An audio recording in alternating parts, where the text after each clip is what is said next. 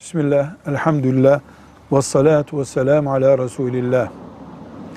İnsanın ağzındaki dişleri bir dişçiye gidip değiştirmesi, eğer dekor içinse, filanca şöhretin dişlerine benzesin diye ise, yani bir sağlık sorunundan kaynaklanmıyorsa, bu Allah'ın yarattığını değiştirip başka bir model oluşturmaktır ki asla caiz değildir.